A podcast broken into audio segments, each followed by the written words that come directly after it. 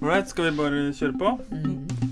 Se i nåde til meg, syndige menneske, og velkommen til Nyhus og Dokka, en podkast fra vårt land. Hei, Åste. Hva skal du be om tilgivelse for i dag? Oi. eh, nok en gang kommer dette spørsmålet ufo, u, u, Ok, du bør jo egentlig være litt forberedt nå, da. Jeg burde vært forberedt nå. Um, kan vi gå til gjesten først, og så skal jeg tenke litt uh, imellom? Ja. Da introduserer jeg dagens gjest, som er Merete Thomassen, som er førsteamanuensis i liturgikk ved Universitetet i Oslo. Hei, hei. Du skal Har du lyst til å bekjenne en synd, så skal jeg ikke hindre deg, ellers så skal du få lov å slippe òg. Jeg kan godt bekjenne en synd, altså, for det er en Ja, synd som eh, plager meg veldig, og det er bilen min. Jeg kommer rett nå fra eh, verkstedet for å levere bilen til EU-kontroll, og jeg kjører en gammel Toyota Corolla som ikke er særlig miljøvennlig.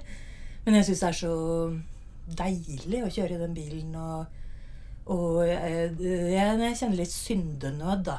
Jeg gikk og tenkte mye på det før jeg var på vei hit. og er det synd at jeg kjører en så forurensende bil? Mm. Det er jo et godt spørsmål. Hva syns dere, da? Jeg syns det er en synd. Men uh, hva syns du, Håvard? Jeg kjører hybridbil, så Ja. jeg synes òg det er en synd. Men det er også en synd å kjøre hybridbil, bare så det er sagt. Ja, men det er ulike grader av det. Ja. Men noen uh, sa til meg at uh, det koster mer Eller det er mer miljøuvennlig å produsere en ny bil enn at du kjører den Toyotaen din til, eh, til den ikke går mer. Ja. Så jeg klamra meg litt til det, da. Mm. Det er alltid en måte å rasjonalisere vekk den vonde følelsen. Ja. Det er nesten så jeg håper de ringer fra verkstedet og sier at her er det intet å gjøre. Og så må jeg kjøpe en litt mer miljøvennlig bil. Da. Ja. Jeg vet ikke om dette gjelder som synsbekjennelse. men Jo, det- det, Jo da. det er mer enn godt nok. Ja. Ja, enn godt nok. Og da Ja. Ehm, grunnen til at vi har invitert deg hit i dag, det er, eh, det er flere grunner. Men det handler bl.a. om at du er aktuell med en bok som heter 'Gud til hverdags'. Mhm. Et slags forsvar for eh, middelmådigheten og kneipebrødet. Ja. Eh, der du bl.a. samler en del av artiklene du har skrevet i Vårt Land. Mm. Men eh, før vi kommer dit, så tenkte jeg vi skulle begynne i en litt annen ende med den kommentaren du skrev, eller den spalta du skrev i Vårt Land i forrige uke. ja. Der du tok opp eh, tråden fra Helene Uris siste bok, og også debatten som har fulgt i kjølvannet av Trond Bakkevik og Tom Christiansen sin bok, eh, der debatten har gått på kjønnsfordeling. Mm. Eh, og det er jo det Helene Uri skriver også om i sin siste bok. Eh, og i den forbindelse så eh, bedriver du litt selvransakelse. ja. Eh, Fortell. Ja, jeg blei ganske skremt når jeg gikk gjennom min egen bok. For jeg så at jeg hadde nevnt 13 menn ved navn og tre kvinner ved navn.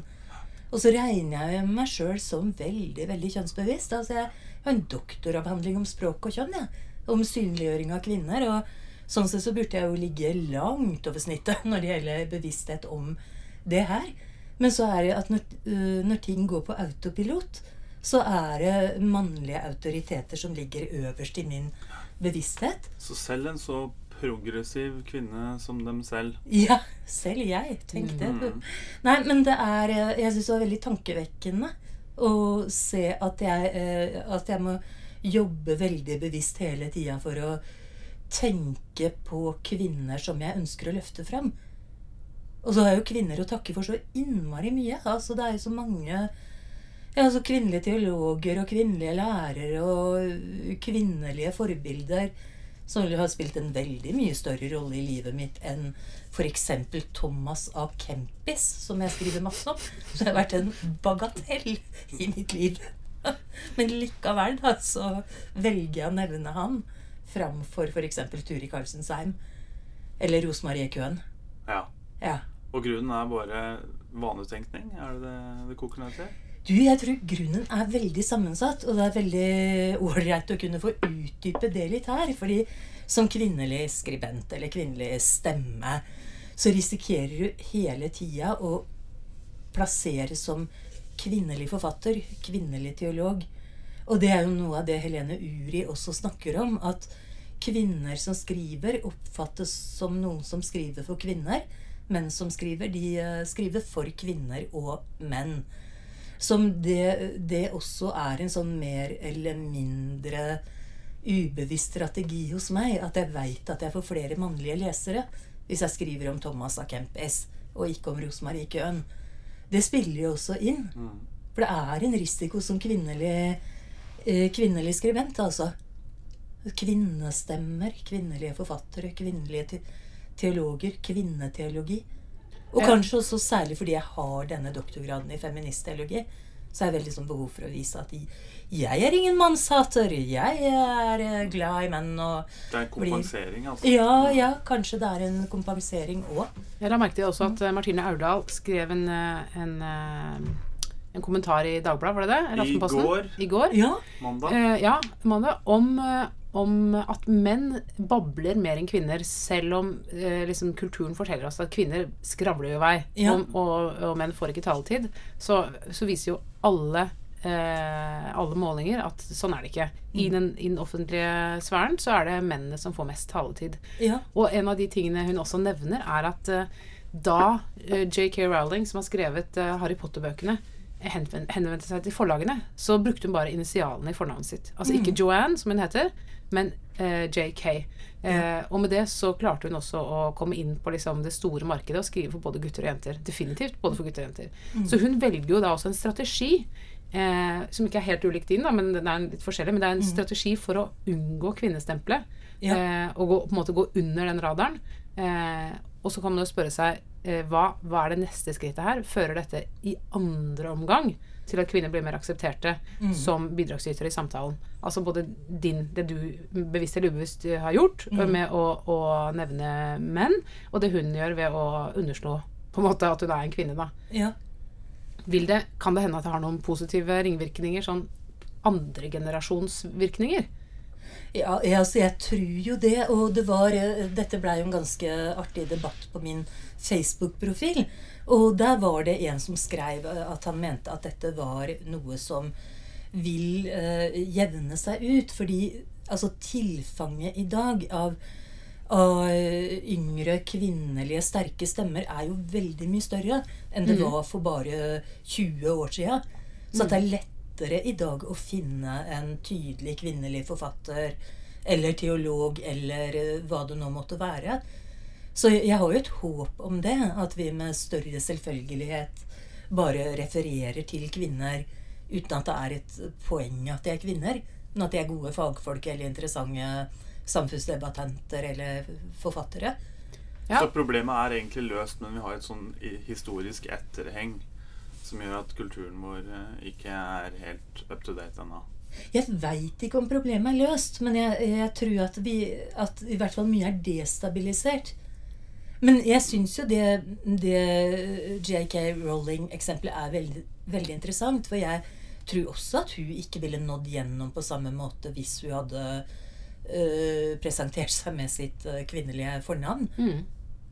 Men jeg lurer på, tror dere også at det ligger noe sånn eh, alders, eh, aldersting her? Fordi jeg tenker på eh, Du nevnte også i stad at det der eh, Nå er det mange unge kvinner som er frampå. Mm. Eh, og vi ser jo at eh, unge kvinner de blir ofte lett etter at man leter etter en ung kvinne til å sitte i et panel, f.eks. Og du har sikkert også blitt spurt om det en gang, hvor du plutselig Ja. skjønner at de spør meg fordi jeg er dame. Fordi Ja. de trenger jo en dame. Kan du, kan du, kan du være med i denne panelsamtalen? Eh, og det er jo eh, alltid litt sånn halvveis å og, på en måte høre det, eller høre det bak det folk sier. Eh, samtidig som det er fint at de tenker på Sier de det rett ut til deg, eller Det hender det folk sier det, ja. inn i det? Nei, det hender absolutt at det, det blir sagt. Eh, eller hvis du Nå sier har nei vi tre menn her, vi må ja. ha en Nei, dame. men det som ofte skjer, er at ikke sant, du sier nei, og så sier de OK, men det er greit, men har du et tips til en annen ung dame? Ja, Eh, de røper seg. Jeg har også hørt det. Og det, jeg har gjort det selv, altså, så jeg, det er ikke noe kritikk av folk som, som, som sier det rett ut. Mm. Eh, men, eh, men det jeg tenker på, er at, at kanskje noe av det vi faktisk mangler, ikke er unge kvinner, men voksne kvinner. Yes. Eh, og at, at det der med at vi alltid leter etter de unge kvinnelige stemmene, yeah. at det i seg selv også er med på å på en måte tømme eh, kvinnekategorien for en type tyngde. da. Yeah. Eh, fordi at så får du inn en eller annen eh, ung kvinne som er ung i alle ordets eh, betydninger, og dermed også heller ikke nødvendigvis har den kompetansen som hun burde hatt for å sitte i det panelet, Mm. og så. Og så blir du ubetydelig, og så forsvinner du ut med en gang du ikke er ung lenger. Ja. ja, men det er et kjempepoeng, og det, det har eh, en del feminister vært opptatt av lenge. Og sånn som i, i mye sånn f.eks. kirkelig representasjon, da, hvor du skal ha en viss ungdomskvote, og så skal du ha en viss kvinnekvote, og så slår du sammen ung og kvinne. Og same. Og Hvis, hvis du er heldig. same, og gjerne Lesbisk. Og ja, da, er du, da har du liksom full eh, klaff, da. Ja. Og er du nynorskbruker i tillegg, så Perfekt. Perfekt. Nei, men At man slår det sammen, og at eh, voksne, erfarne kvinner eh, eh, blir mindre interessante etter hvert. Og at den da kommer i mer i den der uh, gammal røy-kategorien. Mhm. Den har jeg begynt å kjenne litt Frykter du, på, frykter du den? Jeg er 52 år nå, da, Ja. så jeg er definitivt over ung kvinne. Mm. Jeg føler ikke det, altså. Det er aldri Eh, noen som har sagt 'vi trenger en gammel røy'. Eller eh, vi trenger en ung Hører du det, Håvard, noen gang? Hvis folk ber deg, vi skulle gjerne hatt en, eh, vi skulle gjerne hatt en ung mann. Eller en, en, en mann på vei inn i, i middelalderen. Uh, nei, men jeg er, vel, jeg er vel midt i den gruppa der, tenker jeg. Mm. Uh, kanskje mer ettertraktet for fem år siden til sånne type ting. Da man, da man var ung i alle ordets betydninger, som du sier. Mm. Ja. Jeg hørte han um, Dette er jo sikkert dere for unge til å huske, men han derre Thomas Aschberg, som var en sånn svensk talkshow-vert på 80-tallet, han ville ha inn ei gammal røy. Og da fikk han inn Elisabeth Grannemann. Den um, Ja, dere husker ikke henne Det er sånn vagt Det er ekko i Ikke så unge dere er. Veldig unge. Navnet gir meg en mening. ja, hun var en sånn skuespiller, revyartist som var eh, Det var veldig mye av henne på alle måter, da. Ja. Og jeg vet ikke hvor gammel hun var, jeg. Men han, han sa det. At han var på jakt etter en gammel røy. Og så fant han eh, Elisabeth Granemann. Men jeg tror, jo, jeg tror jo kulturen vår er veldig mottakelig for de der gamle røyene òg, som vi nå har valgt å kalle dem. Det er jo Ja. det er alltid fint å, å låne et øre til dem òg. Det er jo det. Så eh, har de liksom ingenting å tape, og så er de ofte veldig uredde og kule. Nå er det jeg som er over i stereotypien her, kanskje, men Ja, altså, jeg syns jo egentlig det er kjempedeilig å ikke være ung og lovende. For når jeg, eh, når jeg var ung eh, teologistudent og teolog og, og liksom fikk eh, kred fordi jeg var så klok til å være så ung, det syns jeg jo ikke var så stas. Men jeg, jeg syns det er veldig deilig å ha den livserfaringa og, og ønsker meg jo ikke tilbake. Altså nå jeg Nå blir jeg bedt om ting fordi jeg har noe Har en reell kompetanse og har en evne til å formidle det på en måte folk øh, forstår eller verdsetter, da. Så øh, jeg må si jeg virkelig nyter den sida ved å bli, øh, bli eldre. En ting jeg har lurt på med, eh, når det gjelder dette med kvinners og menns taletid i offentligheten, det er om det rett og slett er sånn at det ikke finnes like mange kompetente kvinner som menn. Altså om det finnes i hvert fall fagfelt hvor når man leter etter eh, en person til å holde et foredrag på en konferanse eller et eller annet sånt noe, at det er, eh, mange, altså det er mye færre kvinner som kan ta oppgaven. Eller eventuelt, de finnes kanskje, men de er gjemt nedi eh, inni en krok eller eh, i en kirke langt ute på landet eller et eller annet sånt noe. Mm. Kan det være noe av forklaringa? Altså Foreløpig så har vi jo det etterslepet som vi snakka om her. Altså det er ikke Ja, vi er i 2018, og liksom den store kvinnebevegelsestida var jo på 70-tallet.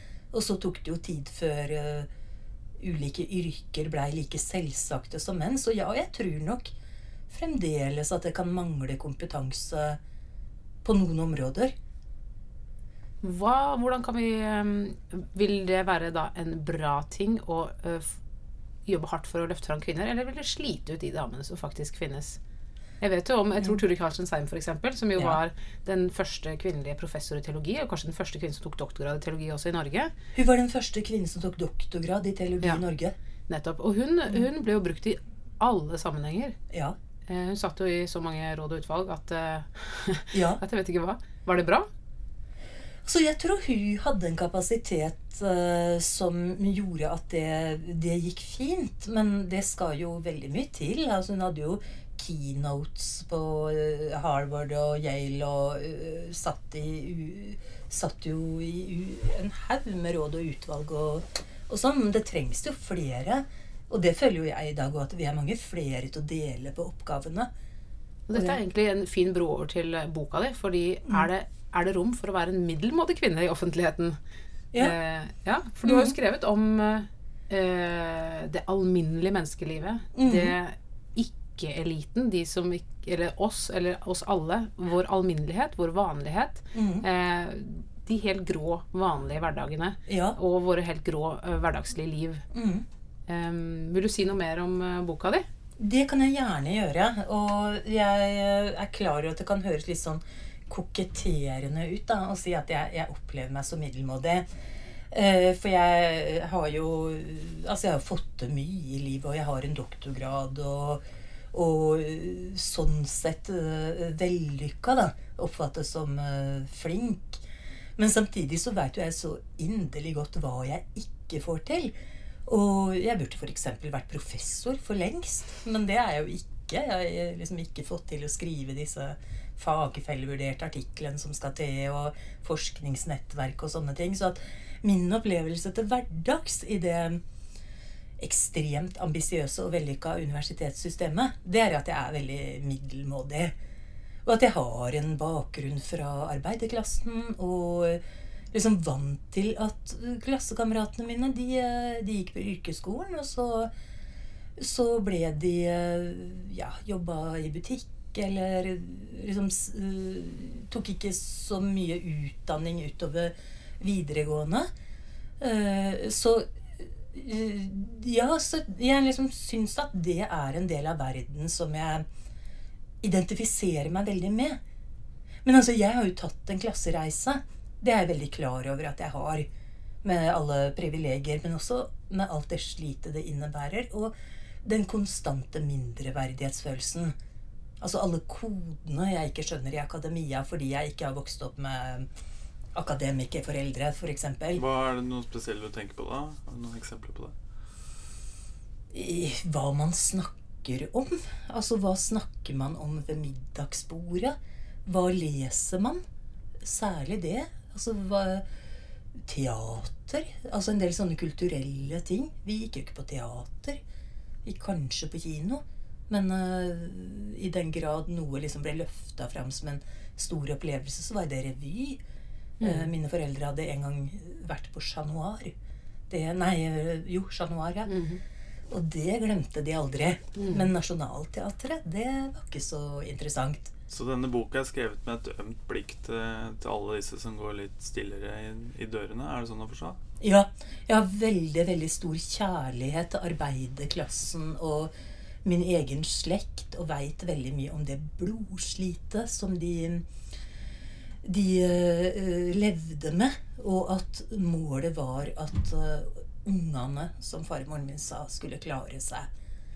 Det var liksom hennes store. Ungene, åssen går det med ungene? Og å klare seg, det var å mm, få en jobb, eh, gjerne bli gift, prøve å ikke bli alkoholiker, for det var det veldig mange som ble. Eh, og, så det er ganske sånn beinharde kår. Altså at det var snakk om å ikke vite hvor, eh, hvor pengene til neste strømregning skulle komme fra. Ikke eie sitt eget hus, f.eks. Hun eide ikke sitt eget hus før hun var eh, veldig voksen, altså. Og, så at disse tinga er veldig lite selvsagte for meg. Og det har jeg en veldig, veldig stor ømhet for. Så at øh, det Ja, å klare seg, hva er nå det? Ja, for jeg tenker jo mm. at eh, det er jo interessant her hva man tenker på som faktorer for vellykkethet, eller faktorer for å klare seg. Altså hva middelmådig i forhold til hva. Eh, fordi jeg tror vel at de fleste av oss lever jo på en måte på randen av vår egen ytekraft hele tida. Altså Ja. vi, vi, vi, vi opplever at vi står et sted og prøver å nå videre, og så får vi det ikke helt til det vi har tenkt. Ja. Eh, men det er klart, hvis man skal begynne å sammenligne med alle verdens alkoholikere, eller hva som helst, så, så kan man jo si at ja, men det går ganske bra med meg, eller jeg har da i en leilighet, eller hva som helst. Ja. Eh, så, så jeg tenker at dette her med opplevelsen av vellykkethet eller suksess eller, uh, uh, mot, det vanlige eller det alminnelige, eh, den avhenger jo også veldig av hva slags type kriterier en egentlig tenker på. Ja. Eh, fordi sånn som i din bestemors øyne, så vil jo det å være gift og ikke alkoholiker. Ja. Da er det jo vellykka. Da og jobb. Ja, og jobb. Ja. Og jobb ikke Ja. sant? Mens eh, eh, min bestemor ville kanskje hatt litt andre perspektiver på hva som er et vellykka liv. Ikke sant? Ja. Mm. Men når du skriver om det, hvor henter du på en måte m- målerasteret fra? Eh, er det samfunnets eh, høye krav til eh, perfeksjon, eller er det Ja. Altså, det er jo mm, Jeg henter jo fra mange steder. Men jeg syns det er så leit å se så mange mennesker som devaluerer seg sjøl og sitt eget liv fordi de hele tida måler seg mot noe som ligger et stykke lenger fram. Og, eller på et nivå høyere, eller hva, hva en skal kalle det. da. Og så tenker jeg ofte Men kjære, så godt dere kunne hatt det. Hvis dere Mm. slutta med det. Mm. Og jeg tenker også veldig ofte om meg sjøl. Hvorfor driver jeg og peser om at jeg skulle hatt større leilighet eller eh, ditt, ditt eller datt? Fordi eh, det er så mye godt i det Mm. livet som vi har eh, i veldig stor grad, da. Så det er Jeg tror jeg liksom peiler meg litt inn på de folka jeg møter. Jeg har vært menighetsprest og sykehjemsprest og prest i mange ulike sammenhenger. Og veit jo også noe om hva folk eh, kaver med der. Og så er jo akademia en, eh, en viktig del av livet mitt, og jeg ser mye av det samme der. Og, og min egen bakgrunn òg, da. Og det slår meg hvor like folk er, men at det er graden av det. At vi alltid, som du sier, liksom presser vår egen eh, yteevne, eller hva, hva du sa. Mm. Mm. Nå, nå sier du at boka er skrevet i ømhet, men det er også en brodd her, forstår jeg, mot, mot noen forventninger og krav i kulturen vår? Ja, altså er en, eh, jeg er jo veldig modernitetskritisk mot eh, Altså, boka har en veldig klar brodd mot det målstyrte samfunnet. Hvor alt skal, eh, skal omdannes til resultatindikatorer og liksom operasjonaliseres i størrelser som måler måloppnåelse eller ikke. Og for det uroer meg veldig hva det gjør med menneskesynet. Altså blir vi hele tida målt ut fra hva vi produserer? Vi er kommet til eh, en av spaltene våre, som er Ordet fanger. Som alltid er en slags apropos til det vi har diskutert. Ja, dette er et apropos. Eh, Dette er eh, hva Paulus skriver i andre korinterbrev. En veldig tvetydig beskjed, vil jeg si. Hør på dette. Og selv om jeg skulle ønske å skryte, ville jeg ikke være fra forstanden, for det jeg sa, ville være sant. Men jeg lar det være, for jeg vil ikke at noen skal gjøre seg større tanker om meg enn de får når de ser og hører meg. For at jeg ikke skal bli håndmodig av de høye åpenbaringene, har jeg fått en torn i kroppen, en Satans engel som skal slå meg, for at jeg ikke skal bli hovmodig. Tre ganger ba jeg Herren om at den måtte bli tatt fra meg, men han svarte, Min nåde er nok for deg, for kraften fullendes i svakhet. Derfor vil jeg helst være stolt av mine svakheter, for at Kristi kraft kan ta bolig i meg. Og derfor er jeg fylt av glede når jeg for Kristi skyld er svak, blir mishandlet, er i nød, forfølgelser og vanskeligheter. For når jeg er svak, da er jeg sterk. Ha! Ja. Har du sitert dette i boka di, Merete? Nå blir jeg nesten litt redd her, fordi det er andre gang på to uker at dette kommer til meg. Er det sant? Ja. Jeg, prøver å si det nå. jeg er jo ikke noen sånn mannakornteolog, men eh, jeg gikk inn i Sagene kirke eh, nylig, fordi det er en det er en ting jeg har bedt veldig mye om, og i Stagene kirke så er det noen veldig få eh, Noen veldig fine små sånne sidealtere hvor du kan skrive bønnelapper og legge opp i bønnekrukke, og så ligger det sånn ord for dagen oppslått. Og eh, jeg ba nå om denne tingen, da. Og så ser jeg der på dagens ord, som er akkurat dette. du prøver å hamre det inn nå. Og så har jeg også et fantastisk lite broderi hjemme. Som eh, ble brodert til min mor da hun eh, altså hadde mer sånn sterk omvendelse på 70-tallet. Og da var det en annen i Nøtterøy Indremisjon som broderte et, eh, et bibelsted til henne. Og hva står det der? 'Min nåde er deg nok'. Mm. Og da boet skulle gjøres opp etter mine foreldre, da grabba jeg til meg det. For det vil jeg ha, så det henger hjemme i stua mi. Min nåde er deg nok. Veldig fint. Ja. Men er det, noe, er det noe i det der med Altså, jeg syns jo Paulus er jo veldig vittig her. For han er litt sånn Mm. Jeg, jeg skal ikke skryte, selv om jeg kunne ha skrytt, altså. Ja, ja, de høye åpenbaringene. Nettopp. Så, eh, og, og, og at Gud nesten måtte lage en liten skjønnhetsfeil på han for at ikke han skulle bli for stor, liksom. Det er jo et, det er jo et selvbilde her som er ganske interessant. Men utover det syns jeg jo at det er eh, jeg, jeg lurer på om det er noe med dette med svakhet, styrke, eh, og, og at noe kan skje i vår svakhet. Det tror jeg åpenbart. Men Mm. jeg tror også det finnes det finnes jo et kulturelt skript hvor vi snakker ned oss selv. Spesielt når vi kanskje er vellykka. Eh, Ja. Og at man, at man prøver å eh, for det sosiale eh, spillets del ikke, ikke heve seg selv opp for mye, fordi det både skryt og sånn humble bragging, sånn liksom ikke skryt, men skryt likevel, er liksom uglesett i kulturen. Og det er veldig mye bra med det, men samtidig så tenker jeg jo av og til at sånn som F.eks. disse her Hollywood-stjernene som hadde en kampanje her hvor de eh, skulle slutte å bruke sminke fordi at alle skulle få lov å være vanlige. Eh, og så slutter de å bruke sminke og ta bilde av seg selv, og så ser de jo på en måte akkurat like mye mer fantastisk ut enn alle andre. Altså, Gyllen hud. ja, ikke sant? Er, det, er det noen slagsider her som er vanskelig å få øye på? Å ja, det er klart det er det. Uh, ja, uh, hva kalte du det? Humble bragging? Ja, humble bragging, ja. Ja. Veldig fint ord. Det har jeg ikke hørt før. Det er sånn eh, når du sier sånn Det er vanskelig for meg å høre på når dere synger, for jeg har perfekt uh, gehør. Og da, da blir det vondt for meg, liksom. Ja, ja, ja. ja. Ja. Sånn de som vil. Kan Jeg trenger stemmer som taler meg imot. Ja. Ja. ja jeg trenger motstand. Ja. Det er snikskryt, da, på norsk. Visst er det det. Og jeg ser jo denne koketteringa, som sagt, at det kan være veldig lett å komme med det. Og så er jo det er en veldig sånn skummel tilsløring av makt ofte, eh, dette. Fordi mange i maktposisjoner har jo en identitet som sårbare Inni meg bor det jo bare en liten sårbar pike eller gutt. Og så eh, er de ikke i kontakt med hvor mye makt de har. Og så og så over, kan de være veldig, veldig overkjørende fordi de ikke ser at de faktisk er i en maktposisjon.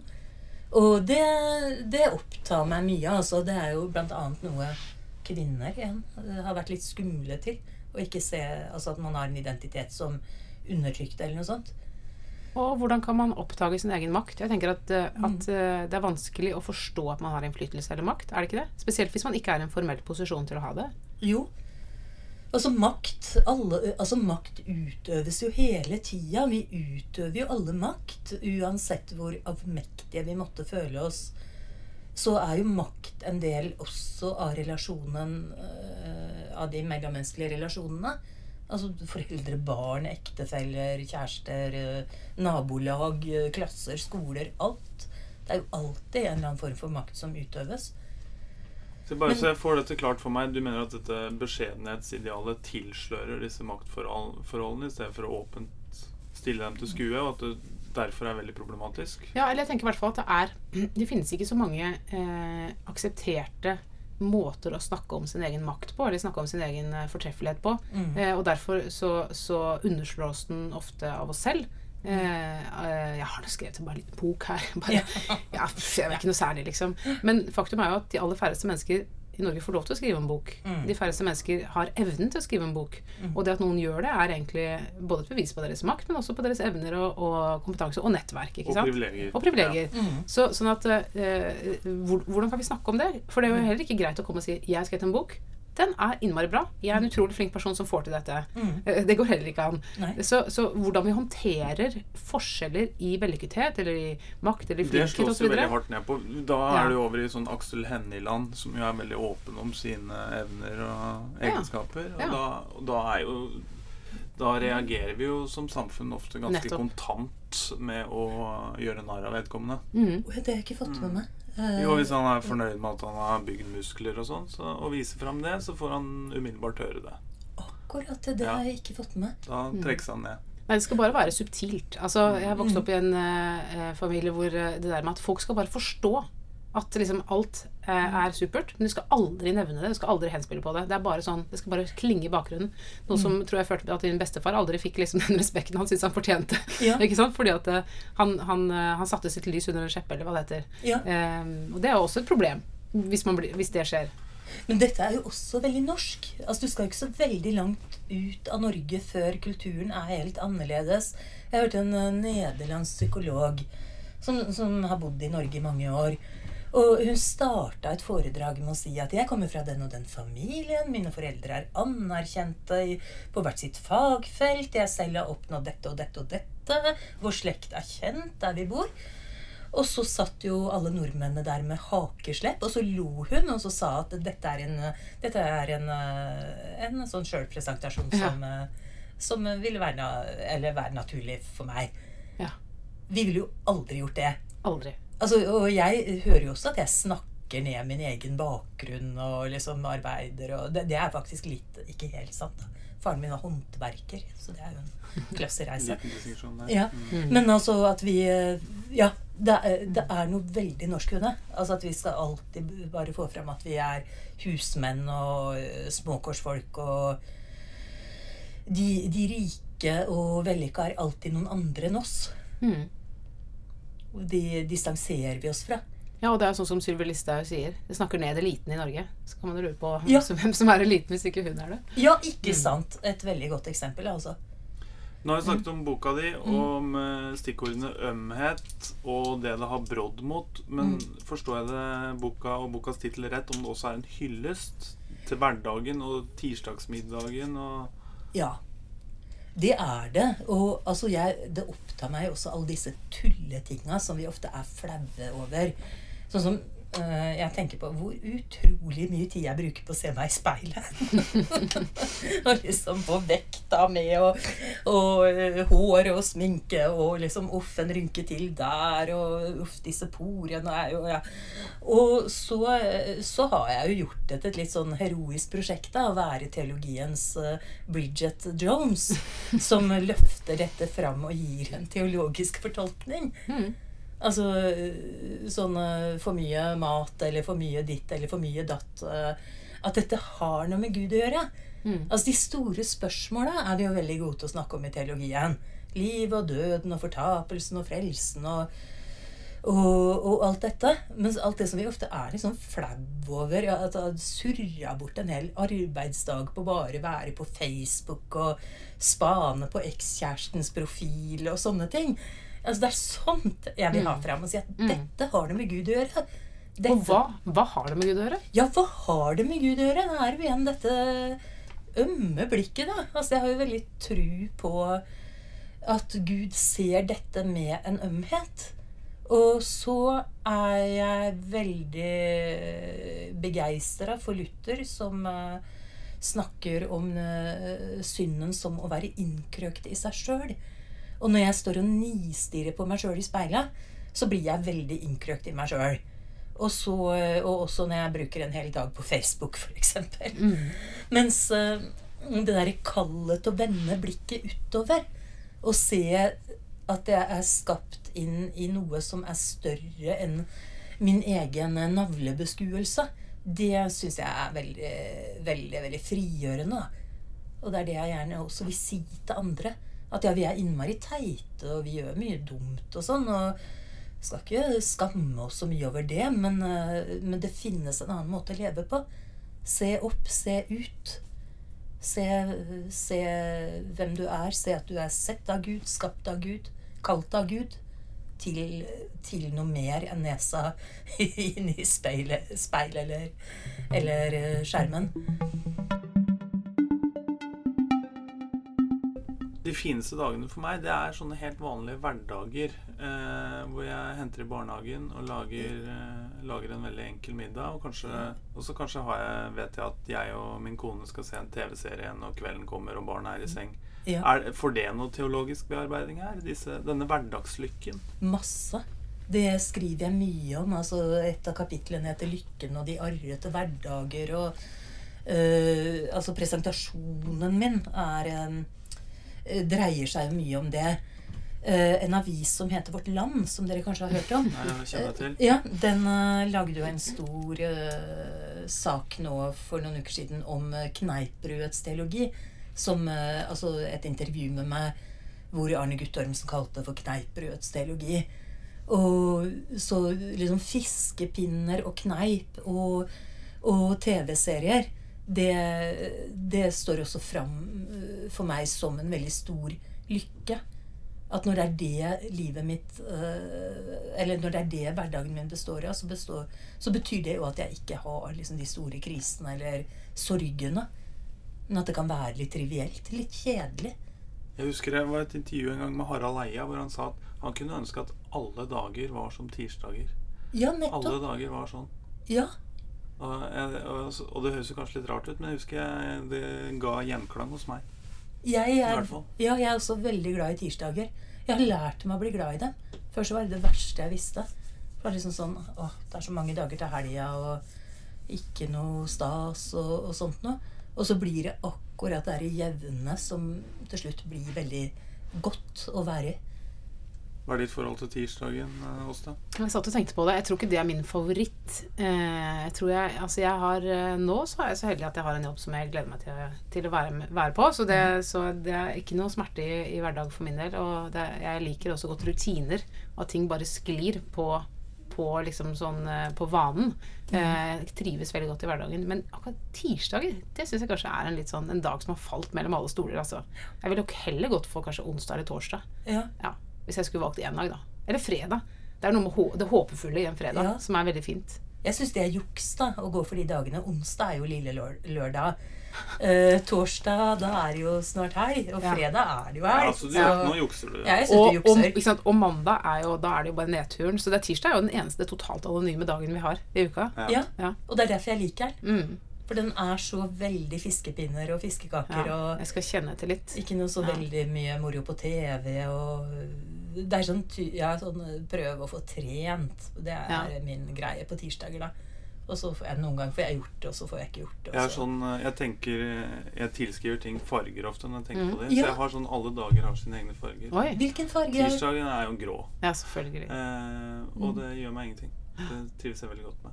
Det er jo en film som heter Groundhog Day, Ja! hvor Bill Murray våkner opp den samme dagen hver dag. En ny dag truer. Ja, Den er det, det er det fantastisk. den heter på norsk. Ja, Ja. Mm. En ny dag truer, ja. Eh, men der, der har de jo en, også en litt sånn uhellsvanger valør, da. Eh, Mm. men, men samme dag hver dag likevel. Eh, husker, det går an å leke med tanken. Det gjør det. Men jeg tror også at noe av grunnen til at jeg blir så glad i de grå hverdagene, det er jo også at jeg øh, opplever egentlig at livet er ganske dramatisk. At det, skjer ting og øh, Sånn både i min egen familie og vennekrets og med meg sjøl og, og sånt noe. Så at jeg, jeg lengter jo veldig etter litt sånne trivielle hverdager. Kanskje fordi jeg ikke har så mange av dem. Mm. Og så skriver du vel i forordet òg at uh, det er noe som alltid viser seg når folk utsettes for ulykker eller blir syke. eller sånn. Mm. Det de lengter etter, er hverdagen. Ja, Ikke, ikke festene og ikke helligdagene og ikke julehøytiden, men hverdagene. Ja. Alle de der unntakssituasjonene hvor plutselig så ja, så går du og venter på et prøvesvar, f.eks., som kan vise seg å inneholde noe veldig alvorlig, og tida stopper opp bokstavelig talt. og er da, da begynner man jo ofte å se hverdagen med helt nye øyne og tenke at å, om liksom bare dette kunne fortsette. Om bare tirsdagene kunne fortsette å komme, og fiskepinnene stekes, og og tinga ruller og gå. Mm. Så ja. Det- Men dere, hva med når det blir fredag eller lørdag, Mm. og vi blir invitert? Ja, det er en veldig fin overgang, Åste. Ja. Ja. Det tar oss til vår siste spalte, som heter Bordet fanger, hvor du skal introdusere et godt tema til kommende helgs middagsselskap. Har du forberedt et tema, Merete? ja, jeg tenkte på et tema, og jeg vet ikke om det treffer helt på akkurat middagsselskapet i litt sånne stille, rolige former med de aller nærmeste, men noe jeg veldig ofte har lyst til å spørre folk om i festlig lag, det er hvor på en skala fra én til ti, hvor mye har du grua deg til å komme?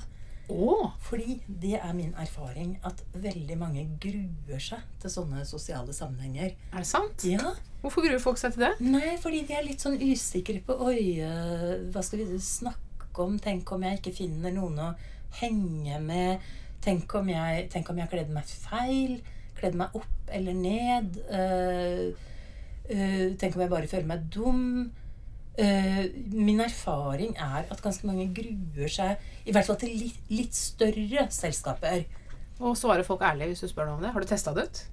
Og så da jeg feira 50-årsdagen min, så, så start, Da hadde jeg invitert fryktelig mange folk. Men jeg har veldig stor familie og sånt noe, så det var 90 stykker. da, da var jeg veldig sånn forberedt på det, så jeg skrev det i innbydelsen og sånn. At jeg veit at eh, de aller, fleste, de aller fleste dere kommer til å grue dere til dette. Så at det er lov til å komme og gå når man vil. Altså jeg hadde veldig sånn langt strekk på det. Liksom starta klokka fem og og varte seint på natt. Og, så at jeg er klar over at veldig mange her i dag har uh, litt sosial angst. Så liksom gjør som dere føler for, da. Så jeg la veldig sånn til rette for at de kunne komme og gå. Og... Med klare instruksjoner for hvordan de skulle kle seg, eller eh, Det er kanskje gitt i et 50-årslag. Da kler man seg opp. Ja, Så slapp det- man å bekymre ja, seg for det, mener jeg, og treffe på, ja, jeg på tror, dresskoden. jeg tror det var, det var litt sånn greit, da. Og så er jeg veldig i tvil om bordplassering eller ikke. Skaper bordplassering trygghet, eller skaper det angst? Mm. Og så har jeg endt opp med ikke-bordplassering. Men jeg tror det skapte litt angst, altså. Ja. Det er vanskelig å kombinere. Du kan komme og gå når du vil, og bordplassering. Ja, det er sant. Ja, Da kan Ja. det bli mange hull. Så det er Det kan være veldig bra med sånn stramme rammer i et, uh, i et festlig lag. Fordi folk blir tryggere av det, men det kan også være bra. Jeg var veldig i tvil. Jeg blir veldig nysgjerrig på åssen det funker hvis du da skal ha bordplassering, og du vet du setter alle de med sosial angst på samme bord. Er det, er det liksom nøkkelen til å ha at de har det bra? Eller er det bedre om det sitter en eller annen sånn gøyal gøyal onkel der? Men du veit jo ikke hvem som har sosial angst. Det er jo det som er greia. Ja. Og den gøyale onkelen, da. Altså min, min skjebne i livet, det er jo å være den tanta som kan snakke med alle. Så at jeg havner alltid sammen med de de tauseste og de som sliter mest og sånn. Så det har jeg begynt å si nå når jeg inviteres, at jeg vil ikke ved siden av den demente bestemora di. Men det er så morsomt å høre, fordi at eh, jeg har, de eneste gangene jeg gruer meg til å gå på et eller annet sånt det er hvis jeg, hvis jeg er redd for at jeg kommer til å kjede meg. Eller hvis jeg syns det er veldig lang reisevei. Da kan jeg, da, da kan jeg bli sånn, litt sånn sur. Eh, og, og, og blir sånn Åh, kommer jeg til å rekke siste banen hjem, og blir blir det krøll nå, liksom? Men føler du deg alltid litt trygg på at du kommer til å treffe noen å snakke med, og ikke si noe dumt og sånn? Ja, sånn i forkant så reflekterer jeg nesten ikke over det i det hele tatt. Gjør du ikke det? Nei, men det er klart at i etterkant så syns jeg alltid jeg har sagt mye dumt. Men det er på en måte to litt ulike Det er to eh, ulike ting, stadier. ja. ja. Ja. Eh, og når du, ja, hvis, hvis ikke jeg kjenner noe, så er det jo bare å bli kjent, da. da jeg tror ikke jeg Jeg reflekterer hørte så på mye over det. podkasten Ja. Mm. som heter 'Sånn er du', og så var det Anne Holt som var gjest. Og da snakket hun om et eller annet eh, 60- eller 50-årslag hun skulle i, som hun grunnet seg til. Ja. Hennes strategi for å løse det var å ta på seg for det, Og da skulle man jo egentlig pynte seg. Hun tok på seg Lillestrøm-drakt. Og så gikk hun dit, og så ville alle snakke om fotball med henne. Akkurat. Så det var hennes løsning på det. Men hun var i litt samme kategori, da. Hun Ja. grudde seg og hadde åpenbart masse sjelekvaler før dette her, så det er nok eh, utbredt. Ja, jeg, jeg tror det er ganske utbredt. Er- Mm. Også blant de som tilsynelatende mestrer sånne arenaer som om det var ingenting. Ja, så jeg gruer meg veldig ofte. Jeg gruer meg ikke til små middagsselskaper med nære venner. altså Det er bare, bare lystbetont og sånn. Men sånn litt større selskaper, det, det syns jeg er Jeg gruer meg. Ja, men da tar jeg, meg, jeg, så, jeg ser for meg sånn når, I mitt hode, når vi har den spalten her, så ser jeg for meg et sånn middagsselskap med seks til ti stykker. Ja. Uh, og jeg har vært i noen av disse nå den siste tiden. Uh, julebordsesongen er jo i full sving. Mhm. Um, og det vi har ofte endt opp med å diskutere i samtlige av disse her, det er Orderud-saken. Oi. Ja. Så det er, det er mitt tips hvis, hvis det går trått, eller hvis Mm. du vil ha noe som virkelig setter fart på samtalen. Orderud-saken. Og den har jo fått uh, noe god drahjelp av en dokumentarserie som har gått på NRK. I tillegg til Ja, har ikke de en sånn slags julekalender eh, med Orderud-saken? Hvor de teller ned til det, Prøve å finne julesokken. At ingen har tenkt på det ja, ikke sant? Det er kanskje noe vårt land kan prøve å profitere på. Ja, kanskje det. Ja. det Nei, den er jo for lengst uh, på en måte blitt annektert av kapitalismens uh, tentakler, denne saken her òg. Så det, Mhm. den er god business òg, etter hvert. ikke sant? Slik, Ja. slik alt blir, før eller siden. Knadd om er god business. Og den er langt fra ferdig.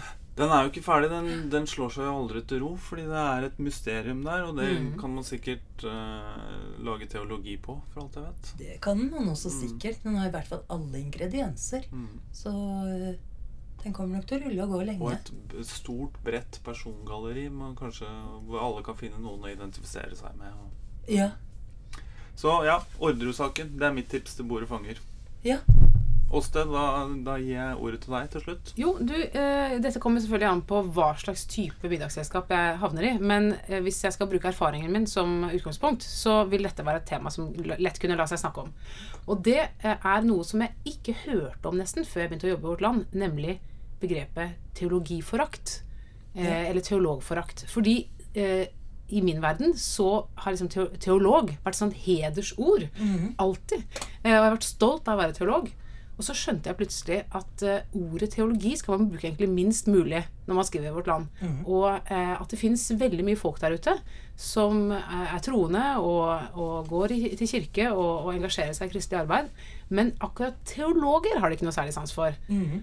Og da blir jeg veldig nysgjerrig på hvordan det har blitt sånn. Altså Det er jo åpenbart at det finnes mange dustete teologer, og har, har eksistert mange dustete teologer gjennom tidene. Men, men jeg opplever kanskje ikke at andre faggrupper har det stempelet hos liksom sine egne. Det syns jeg er snålt. Så det kunne jeg tenke meg å utforske litt sammen med middagsfolket. Ja, den middagen vil jeg gjerne være med i. Altså, Ja, la er oss, jo veldig- la oss gjøre det. Ja, Det er sånn tilsvarende noen snakker med forakt om blårussen. Blir ikke litt Ja. tilsvarende? Jo, På men- rød side, og så kan du finne en tils Jo, litt sånn men vil folk som jobber i butikker og i bedrifter, snakke negativt om blåruss? Gjør de det? Nei, altså det jeg sier, altså Nei, det som er spesielt er her, er at det er kristentfolket selv som er foraktfulle overfor teologene. Ja. Men er ikke det lek, eh, lekmannsorganisasjonene, da? Hvor det har vært mm. en tradisjonell konflikt mellom uh, prester og teologer og, og lekmannsbevegelsen? Jeg lurer bare på hva som er kjernen i den konflikten. Konventikkelplakaten? Går de ikke tilbake til det, da? Alt går tilbake til konvultikkenplakaten. Der er det det. De Det er ikke humanetikerne og, og det er ateistene som er sure på teologer? De har jo heller ikke noe stor sans for teologer altså sånn i utgangspunktet, men jeg, jeg opplever vel ikke eh, der, opplever jeg vel mer at det er religionen i seg selv, eller kristne i seg selv, som er problemet. Ikke at teologene skiller seg ut som noen sånn særgruppe som skal ha ekstra Nei, jeg bare vet at det har jo vært eh, hevdet fra, fra slikt hold at det er at det er helt tullerusk at de har et eget fakultet på universitetet og sånn. Mm. Ja. Mm. Ja, og at de ikke hører ja, hjemme i akademia og har Mm. Ja, det er klart det er jo en annen form for teologiforakt Mm. um, som også eksisterer. Det er klart. Mm. Så dette har gjort noe med din frimodighet uh, som kommentator, eller? Eh, nei, eh, jeg har vel prøvd å tenke på hvordan jeg kommuniserer, også overfor dem som i utgangspunktet ikke, ikke tenker at de skal lytte til teologer. Mhm. Eh, men jeg vil holde for fanen høyt, altså. Jeg ikke, skammer meg ikke over evangeliet eller, eller min kompetanse til å fortolke det. Har du kjent det på kroppen eh, helt til slutt? Ja, jeg har jo lavkirkelig bakgrunn, så jeg kjenner jo igjen eh, dette. Altså at eh, teologene sier, men Guds ord derimot sier noe Mhm. annet. Ja. Mm. Sånn at det er en sånn type intellektualisme eller noe som ikke er åndsfylt nok. Kanskje det eh, ligger enda tettere på karismatikken. At Mm. teologi, eh, teologi og åndsfylde er to ulike To motstridende størrelser. Mm. Så jeg, kjenner til det, men i hovedsak er jeg jo bare kjempestolt av å være teolog og Mm. opplever at det er å så interessant. Uansett livssyn, nesten. Men eh, jeg husker faktisk før jeg selv begynte å studere teologi på TF, så møtte jeg en som sa å ja, du skal begynne på TF. Ja, for planen på TF, de som jobber der, de har jo som prosjekt å rive ned troen din totalt, for så å bygge den opp igjen på nytt. Ja. Eh, og det har jeg jo aldri hørt noen på TF si. Eh, men det er jo ikke helt feil observert heller, hvis man skal se på hva som faktisk foregår. Når man studerer teologi, så skjer det veldig mye med hvordan du tenker, og det er kanskje den, at det skjer en type fremmedgjøring da, overfor de som ikke har vært gjennom det samme løpet. ja. Det, det kan nok hende, men det kommer jo litt an på hvilke forutsetninger en kommer inn med. Altså Hvis en har vokst opp med en litt, sånn kritisk, i en litt kritisk tradisjon, så tror jeg ikke sjokket blir så stort. De fleste av oss visste jo allerede at det ikke er Moses som har skrevet Mosebøkene, liksom. Ja. ja. Men det jeg ikke visste, var at Moses trolig aldri har levd. Det husker jeg var et sjokk for meg. Altså, Da falt mitt indre hus. Han er bare en mytisk skikkelse. Det, den syns jeg var tøff. Ja. Men jeg mista ikke troen av den grunn. Det skulle mer til. Ja. Ja. Og med det så kan man jo fort begynne å diskutere jomfrufødsel og alt det der òg. Men uh, Mm. det får bli i dette middagsselskapet. Ja. Så vi er kommet til veis ende. Takk for i dag. Takk. Takk.